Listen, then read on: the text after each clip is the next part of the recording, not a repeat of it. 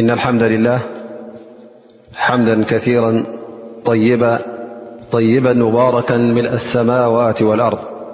ثيررأحمدا كثيرا طيبا ملء السماوات والأرض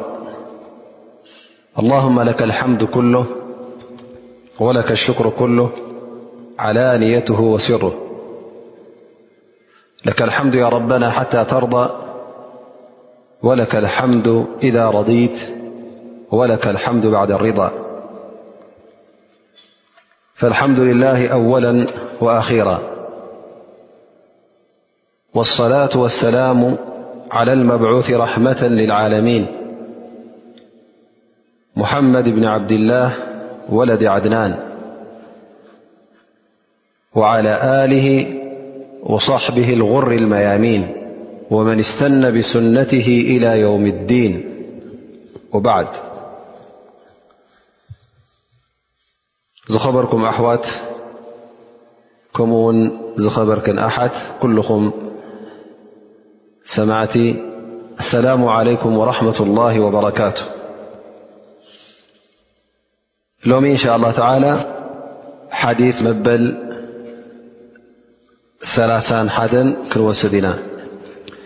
እዚ ሓዲስ እዚ ሎም መዓልቲ ክንትንትኖ ተሊምና ዘለና ይብል ን ኣቢ ዓባስ ሳህል እብኒ ሳዕድን ሳዒዲ رضي الله عنه - قال جاء رجل إلى النبي - صلى الله عليه وسلم فقال يا رسول الله دلني على عمل إذا عملته أحبني الله وأحبني الناس فقال ازهد في الدنيا يحبك الله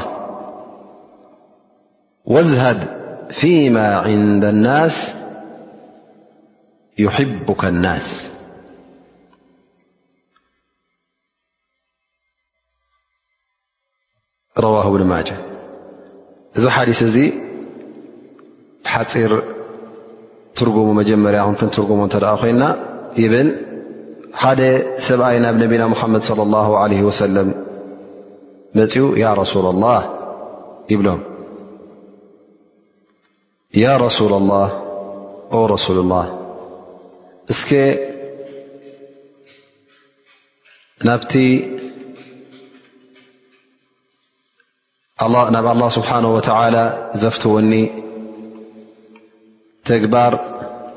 ከምኡ ውን ሰብ ዝፈትዉኒ ተግባር ናብኡ ሓብረኒ እስኪ ምርሓኒ እንታይ እዩ ኢሉ ሓቲቱ ማለት እዩ ነቢይ صለ ላه ለ ወሰለም እንታይ ኢሎም ይምልሱሉ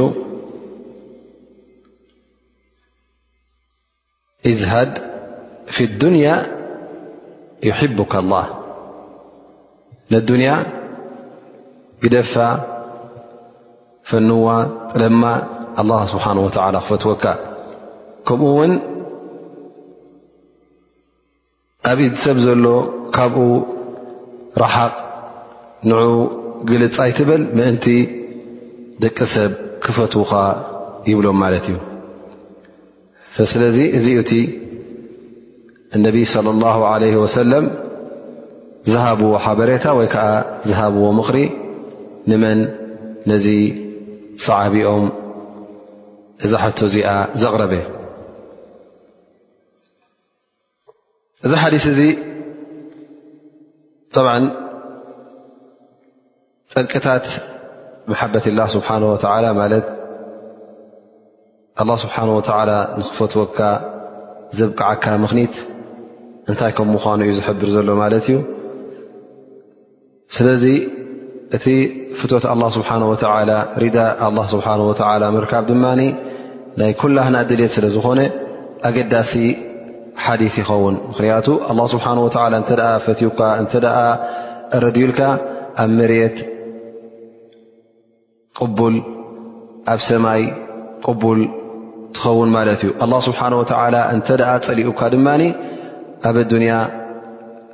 ፅሉእ ኣብ ኣኼራ እውን ፅሉእ ኢኻ ማለት እዩ ሰብ ፀልኣካ ኣላ ድማ ስብሓን ወተዓላ ይፀልእካ ስለዚ እዚ ሓሊት እዚ ዓብ ሓዲስ ይኸውን ማለት እዩ ምኽንያቱ ኣላ ስብሓን ወተላ ክፈትወናን ደቂ ሰብ ክፈትውናን እዚ ሓደ ካብቲ ዓብዪ ሽሻይ ኣላ ስብሓን ወላ ዝህበና ስለ ዝኾነ እንተ ደኣ ፈትዮምኻ ድማ ኣላ ስብሓን ወላ ፈትካ ደቂ ሰብ ፈትዮምኻ ድማ ፅቡቕ ኣሰር ክትገድፍ ትኽእል ኢኻ ማለት እዩ እተ ሰብ ፈትካ ክሰምዓካ ክረኽበካ ትፈቱ እተ ኮይኑ ኣብ መዳይ ናይ ዳዕዋ እንተ ተዋፊርካ ኣለኻ ንኣብነት ነቲ እስልምናኻ ክትዝርግሕ ነቲ ዳዕዋ እስልምና ከተብፅሕ ዓብ ግደ ክህልወካ ስለ ዝኽእል ሰብ ክፈትወካ ከሎ እቲ ኣሰር ናትካ እቲ ትገድፎ ስምብራት ፅቡቕ ይኸውን ማለት እዩ ፍቱው ይኸውን ፈነቢይ صለ ላሁ ለ ወሰለም ቀንዲ ነጥቢ ኣብዛ ጉዳይ እዚኣ ዝጠቀስዋ ጉዳይ ናይ ኣዙህድ ዝበሃል ማለት እዩ ዙህድ እንታይ ይበሃል ክንብል ከለና ብቋንቋ ዓረብ ጠ ኣዙህድ ዋ ضድ ረغባ ወልሕርስ ዓለ ኣዱንያ ማለት ናይ ኣዱንያ ፍቶት ናይ ኣዱንያ ሃረምረም ካብ ልብኻን ካብ ምንቅስቓሳትካን ክረሕቕ እንከሎ እዚ ሕጂ እስኻ ንኣዱንያ ጠሊምካያ ማለት እዩ ጥራይ ሃምናህካን ድሌትናትካን ኣብ ናይ ኣኼራ ስለ ዝኾነ እንታይ ኸውን እዚ ነገር እዚ ዝሁድ ይስመ ማለት እዩ ስለዚ እዚ ጉዳይ እዚ እውን ኩሎም ቶም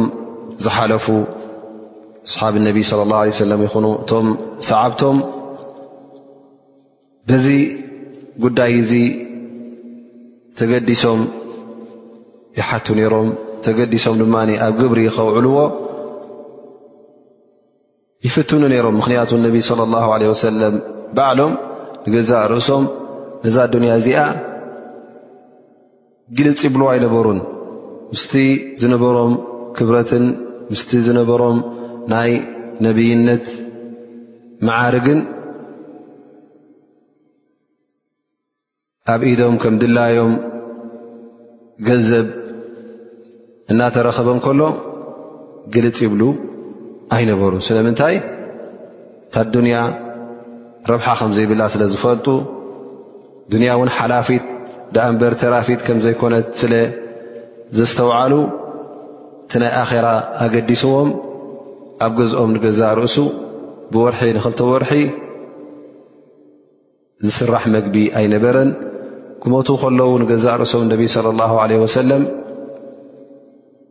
ዋልታ ናቶም ንመግቢ ተለቂሖም ከም ትሕጃ እዮም ኣትሒዞሞ ሞይቶም ስለዚ ገንዘብ ንኽእክቡ ባህጊ ነበሮምን ናይ ኣዱንያ ብልጭልጭ ስልማት ክኣኻኽቡ ነቢ ስለ ላ ለ ወሰለም ባህጊ ኣይነበሮምን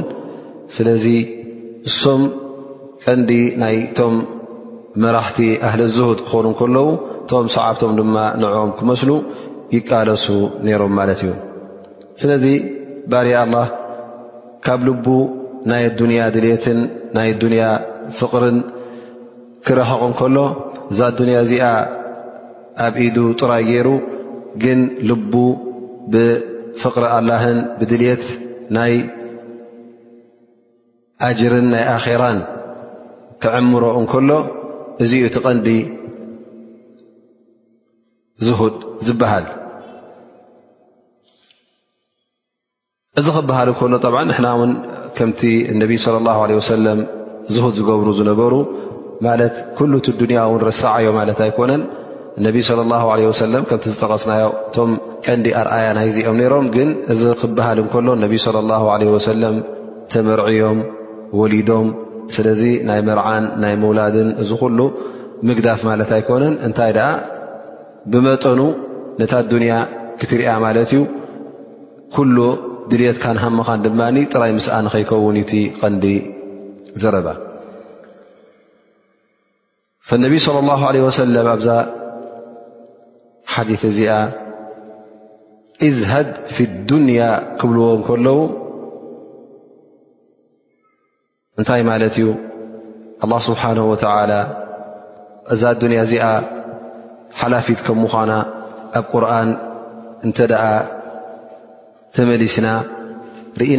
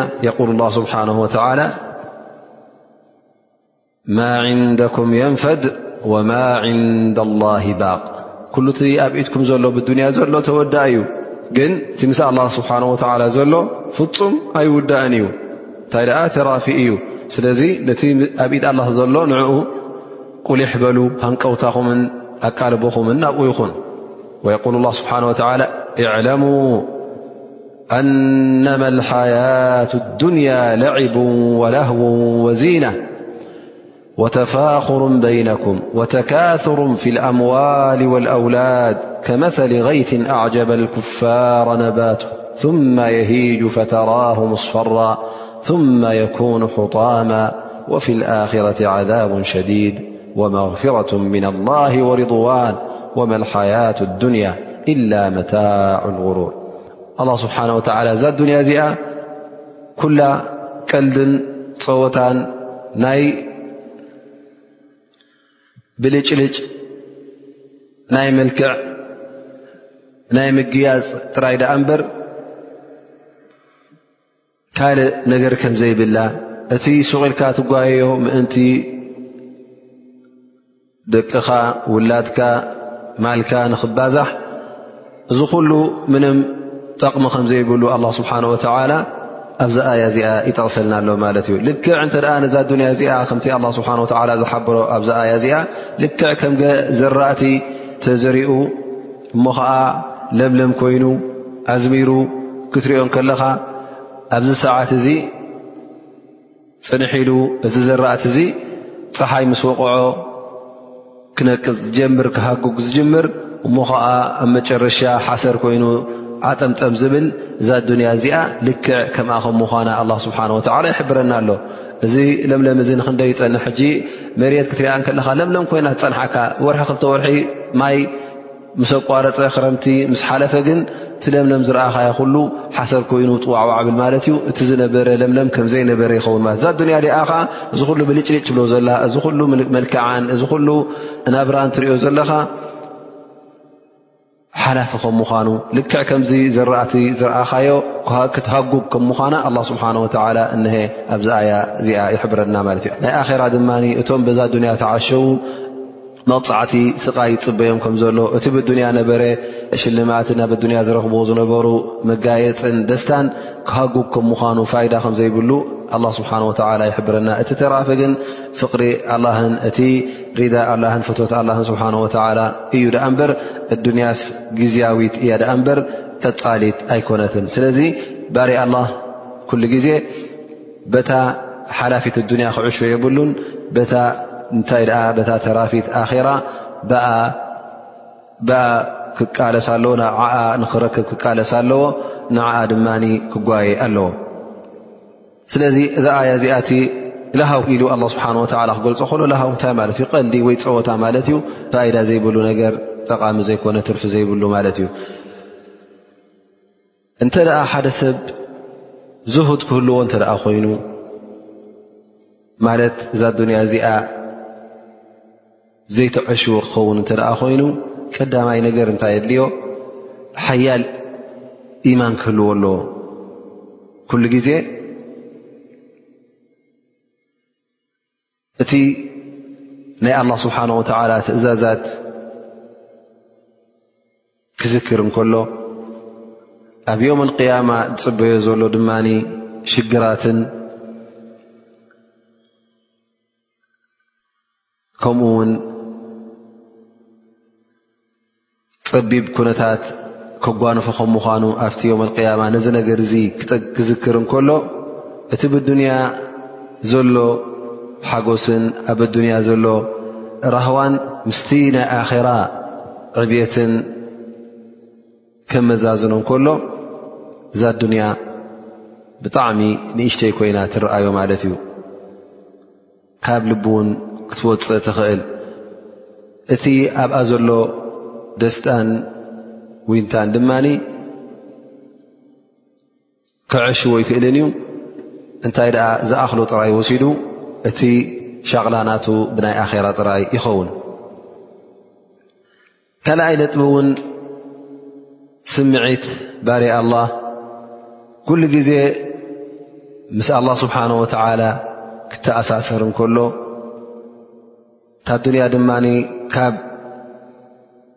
ኣላ ስብሓን ወተዓላ እትርክኦ ከም ምዃና ምስ ዝስምዖ ፅባሕ ንግሆ ድማ ኣብዚ ዱንያ ዝገብሮ ዘሎ ኣብዚ ዱንያ ዝረኽቦ ዘለ ክሕተተሉ ከም ምዃኑ ኣብ ቅድሚ ኣላ ስብሓን ወተዓላ ክፈልጥ እንከሎ ከማ ቃል ኣላ ስብሓን ወተዓላ ثመ ለትስኣሉና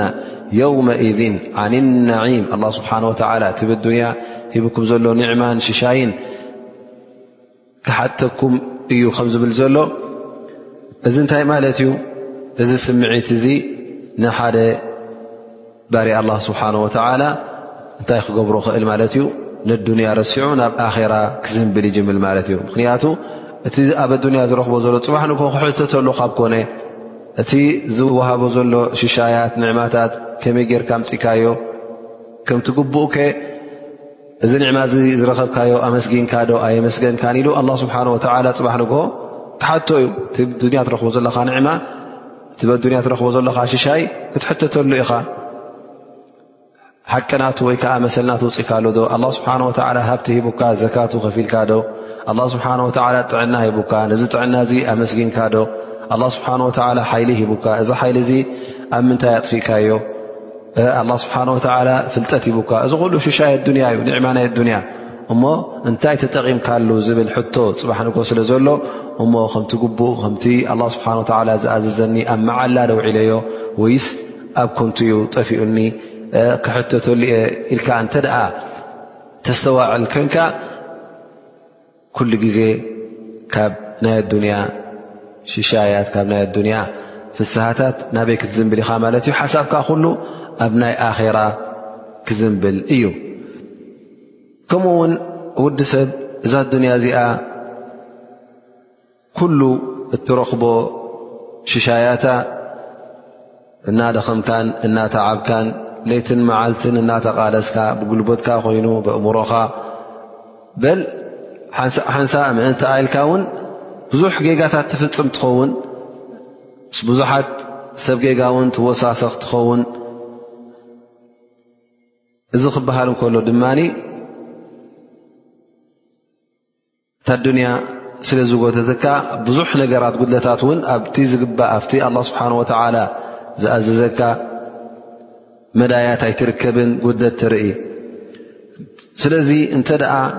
ብሓቂ ስምዒት ኣለካ ኮይኑ ናይ ፍቶት ኣላ ኣላ ስብሓን ወተላ ንኽፈትወልካን ንኽረድየካን እዛ ኣዱንያ እዚኣ ክንደይ ከም ዘጥፋኣትልካ ግዜያት ክንደይ ናይ ጉልበትን ናይ ኣእምሮን ቃልሲ ኩሉ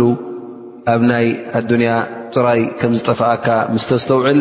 ሽዑ ትምልስ ኢልካ ናበይ ናፍቲ ናይ ኣኼራ ስራሓት ኣብቲ ኣላ ስብሓን ወተላ ዝፈትዎ ስራሓት ናብኡ ክትጓየ ትጅምር ካብቲ ዝሕግዘካ እውን ናብቲ ናይ ዝሁድ ዝበሃል ናብኡ ክትከይድ እንተ ኮይኑ ቁርን ክትቀርእ ከለኻ እሞ ከዓ ኣላ ስብሓን ወተዓላ ነዛ ኣዱንያ ኣብ ቁርን ክገልፃ ከሎ ኩሉ ግዜ ብጥዑም ሽም ኣይኮነን ጠቒሱ ኣላ ስብሓን ወተዓላ ትገላልፃ ናታ ኩሉ ግዜ ቦታ ፀወታን ቦታ ቀልድን ከም ምዃና ምስ ናይ ኣኼራ ክትመዛዘን ከላ ድማ ሰማይን መሬትን ከም ምዃኑ ፍልልያ ኣላ ስብሓን ወተዓላ ሓቢሩና ዩ እሞ ኣብቲ ቁርን ናይቲ ኣዱንያ ሓጎስን ሰዓዳን ደስታን ክሳዕ ክንደይ ትሑትን ክሳዕ ክንደይ እውን ኣቃልቦ ክግበሮ ከምዘይግባእን ኣላ ስብሓን ወተዓላ ስለ ዝጠቐሰ ነዚ ኣያታት እዚ ክትቀርእ እንከለኻ ምስቲ ኣያታት ናይ ጀና ምስቲ ኣያታት ናይቲ ኣብ ዮም ቅያማ ንበዓል ኢማን ዝፅበዮ ዘሎ ፍስሃን ደስታን ምስኡ ከተረኣዮ ከለኻ ኩሉ ግዜ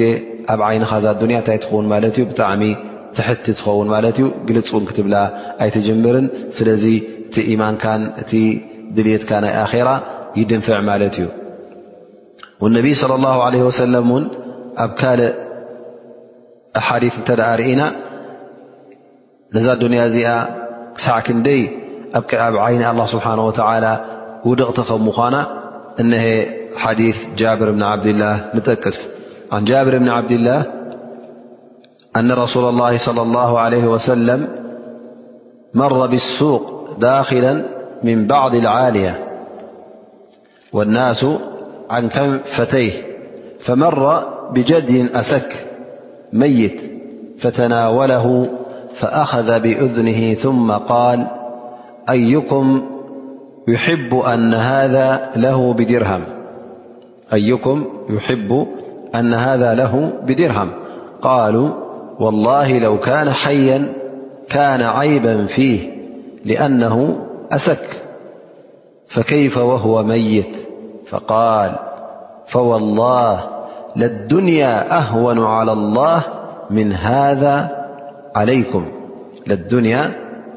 أهون على الله من هذا عليكم እዚ ሓዲስ እዚ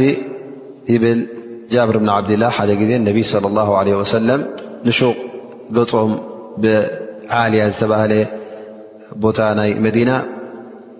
እና መፁ ከለዉ ምስኦም እውን መን ነሮም ኣስሓብ ነቢ ለ ላ ለ ወሰለም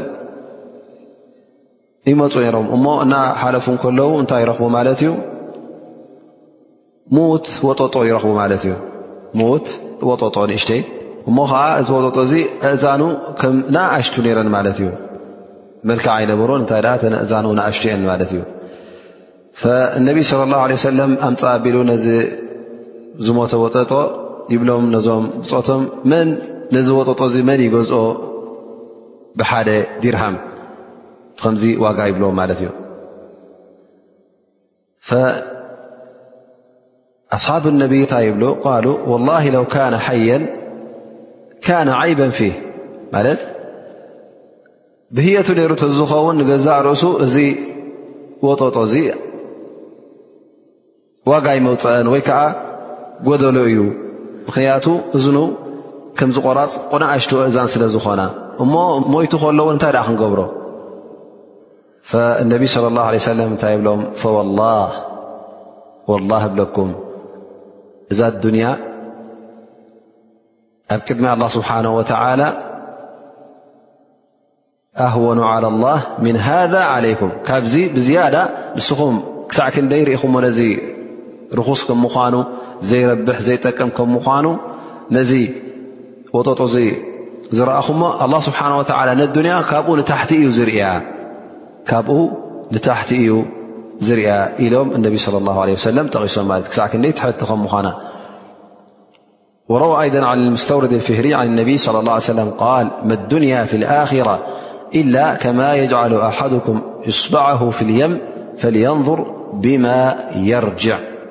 ፈሊየንظር ብማ የርጅዕ ነቢ صለ ላه ለ ሰለም እዛ ኣዱንያ ብምልእታ ምስ ኣራ እንተ ደኣ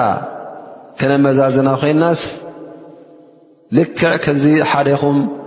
ኣፃብዕ ትምፅኡ ኣብ ባሕሪ ዘጥልቃ ሞኒ ዳሕራይ ዘውፅኣ እሞ እንታይ ሒዛ ትወፅእ ልክዕ ኣዱንያ ምስ ኣራ እተ ክትመዛዘም ኮይና ልክዕ ከም ኣያ ክንተን ካብ ባሕሪ ተውፅአን ብፃብዕትኻ ማይ ትኸውን ማለት እዩ ፈኢዘን እንታይ ይኸውን ማለት እዩ እቲ ኣዱንያ ክሳዕ ክንደይ ትሕትን ፋይዳ ዘይብላን ረብሓ ዘይብላን ከም ምዃና ኣብ ቅድሚ ወይ ከዓ ምስ ናይ ኣኼራ ዘሎ ዕረፍትን ኒዕማን ሽሻይን ንኸተመዛዝና ፍፁም ዘይትበቅዕ ከም ምዃና እዩ ዘርእየና እዚ ካብ ኮነ ድማ እንታይ ክንገብር ኣለና ማለት እዩ እቲ ኩሉ ሃንቀውታናን ድልትናን እቲ ኩሉ ኣቃልቦና ናፍቲ ናይ ኣራ ክኸውን ከም ዘለዎ ማለት እዩ እዘን እዚ እቲ ቐንዲ ዝሁድ ዝበሃል ማለት እዩ ላኪን ገለገለ ሰባት ብዛዕባ ናይ ዙሁድ ክጠቕሱ ከለዉ ኣብቲ ናይ ሱፍያ ዝኣመሰለ ኣተሓሳስባ ክኣት ክትሪኦም ከለኻ ነቲ ዙሁድ ንገዛእ ርእሱ ካልእ ትርጉም ይብዎ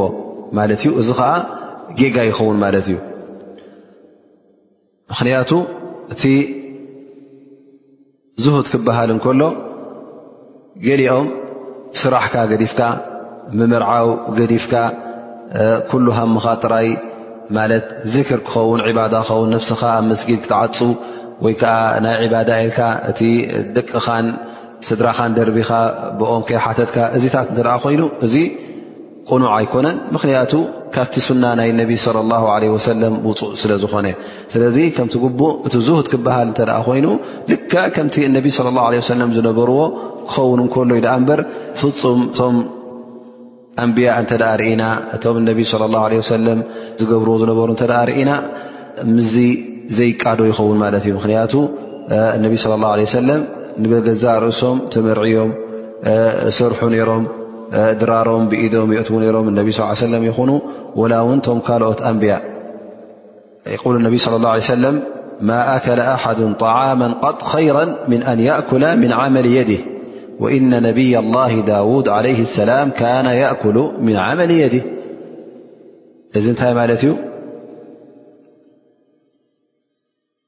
ማለት ስራሕ ምግዳፍ ኣይኮነን ኣነ ካብቶም ዝሁድ ዝገብሩ እየ ዱንያ ኣይተድልየኒን የልካ ስራሕ ጠንጢንካ እንታይ ደ ክትገብር ኢኻ ክትልምን ካብ ሰብ ክትፅበ እንተ ኮንካ እዚ ዝሁድ ኣይኮነን እንታይ ደኣ እዚ ስንፈት እዩ እዚ ስንፈት እዩ ደኣ እምበር ሕምቀት እዚ እውን ኣብ ዲን ዘሎ ኣይኮነን እንታይ ደኣ ነብስኻ ክትክእል ንቤተሰብካ ክትክእል ከለኻ እዚ ንገዛእ ርእሱ ኣጅር ኣለዎ ኢልና ተዛሪብና ነርና ስለዚ ካብ ዝሁድ ኣይኮነን እንታይ ደኣ እዚ ስንፈትን ጥፍኣትን ይኸውን ማለት እዩ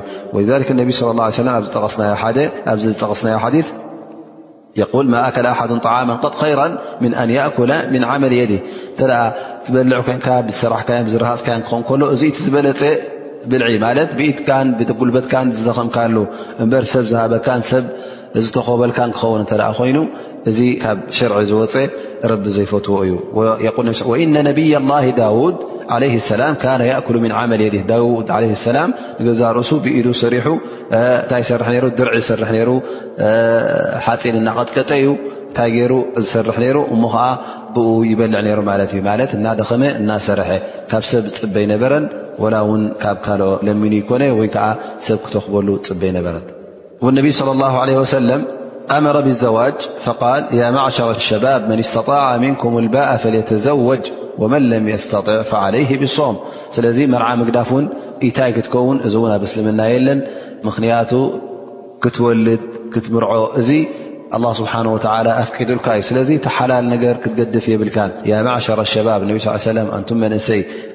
ክእለት ዘለዎ ካባኹም ይመርዖ ክእለ ዘይብሉ ድማ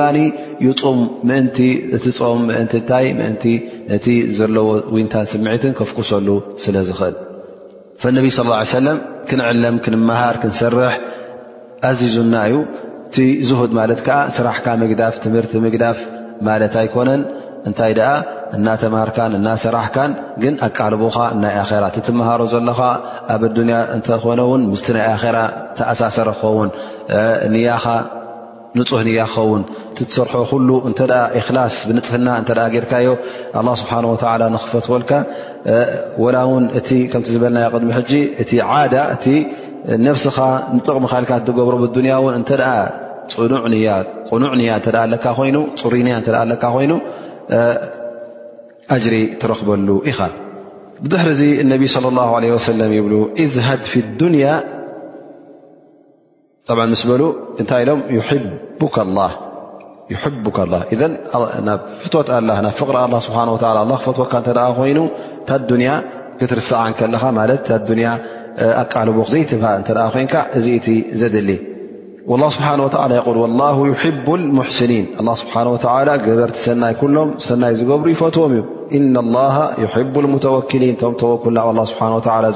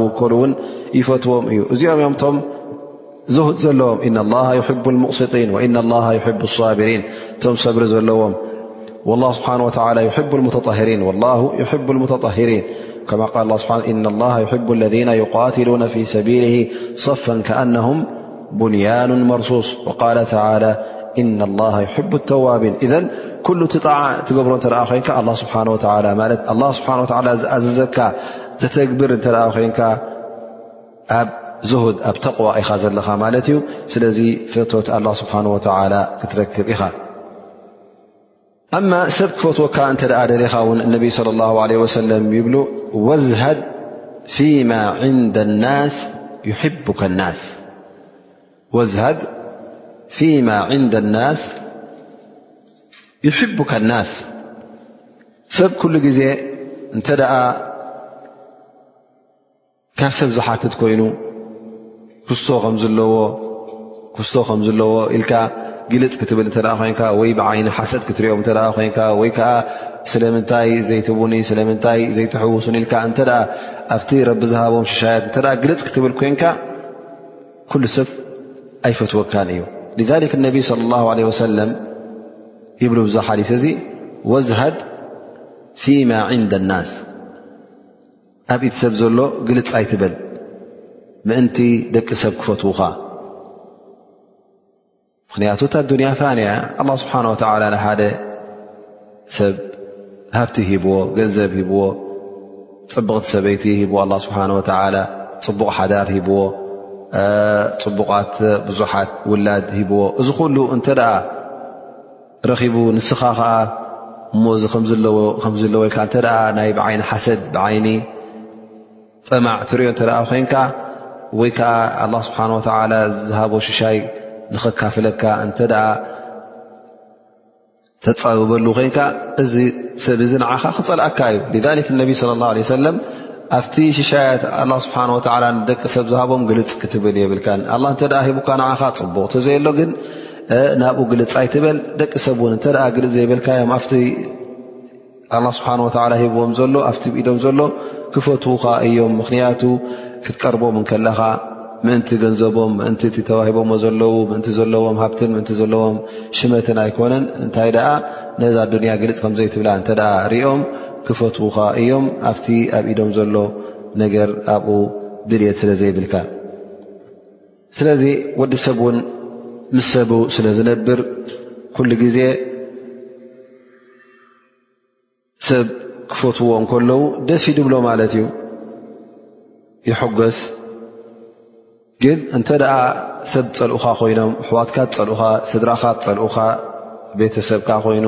እቲ ህብረተሰብካ እተ ፀልእካ ኮይኑ እዚ ንገዛእ ርእሱ ንዓኻ እውን ሓዘንን ጓህን እዩ ዘስፍረልካ ስለዚ ኣብ መንጎ ህብረተሰብካ ፍቱ ክትከውን ከለኻ ኣብ መንጎ ቤተሰብካ ፍቱ ክትከውን ከለኻ እዚ ኩላህና እንፈትዎ እዩ ንኩላህና እውን ደስ ዝብለና እዩ ኣብዚ መድረክ እዚ እንተ በፅሕካ ውን እንተ ደኣ ፍቱው ኮይንካ በቲ ጠባያትካ በቲ እትገብሮ ቅስቃሳትካ እንተ ደኣ ፍቱው ኮይንካ ከምቲ ዝበልናዮ ዓንተቦይ ነቲ ህብረተሰብ ናብ ፅቡቕ ክትመርሖ እንተ ደሊኻ ክትመርሖ ትኽእል ኢኻ እንተ ደኣ ከተስምዖ ደሊኻ ዘረባ ክፅን ኢሎም ክሰምዑኻ እዮም ምኽንያቱ ስለ ዝኣምኑኻ ስለ ዝፈትዉኻ እቲ ካብኦም ትፅበዮ ድማ ናይ ኣዱንያ ነገር ስለ ዘይኮነ እንታይ ደኣ ሓሊኻሎም ናይ ኣኼራ ስለ ዝፈተኻሎም ናብ ኼር ንኽትመርሖም ኢልካ ትዛረቦም ስለ ዘለኻ እዚ ስለ ዝፈልጡ እውን ንዓኻ ከኽብሩኻ እዮም ፂን ኢሎም እውን ክሰምዑኻ እዮም ሰብ ክፈትወካ ክበሃል እንከሎ ድማ ክንጥንቀቕ ኣለና ገለገለ ሰባት ምናልባሽ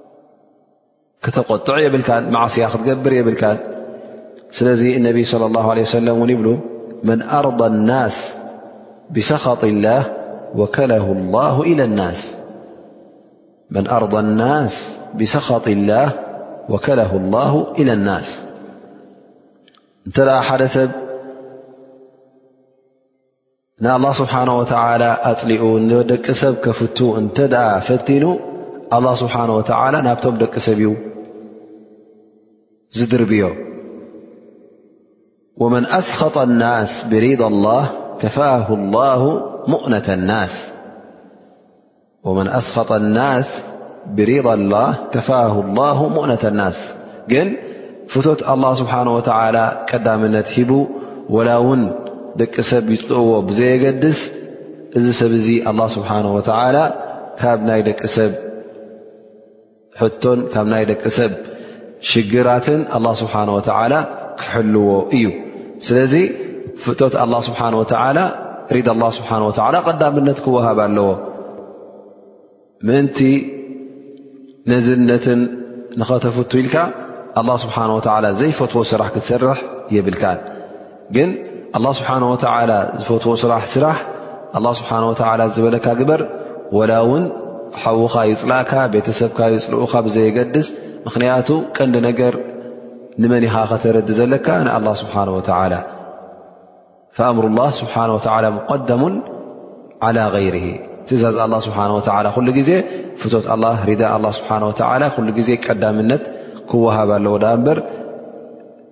ድሕሪት ክተርፍ የብሉን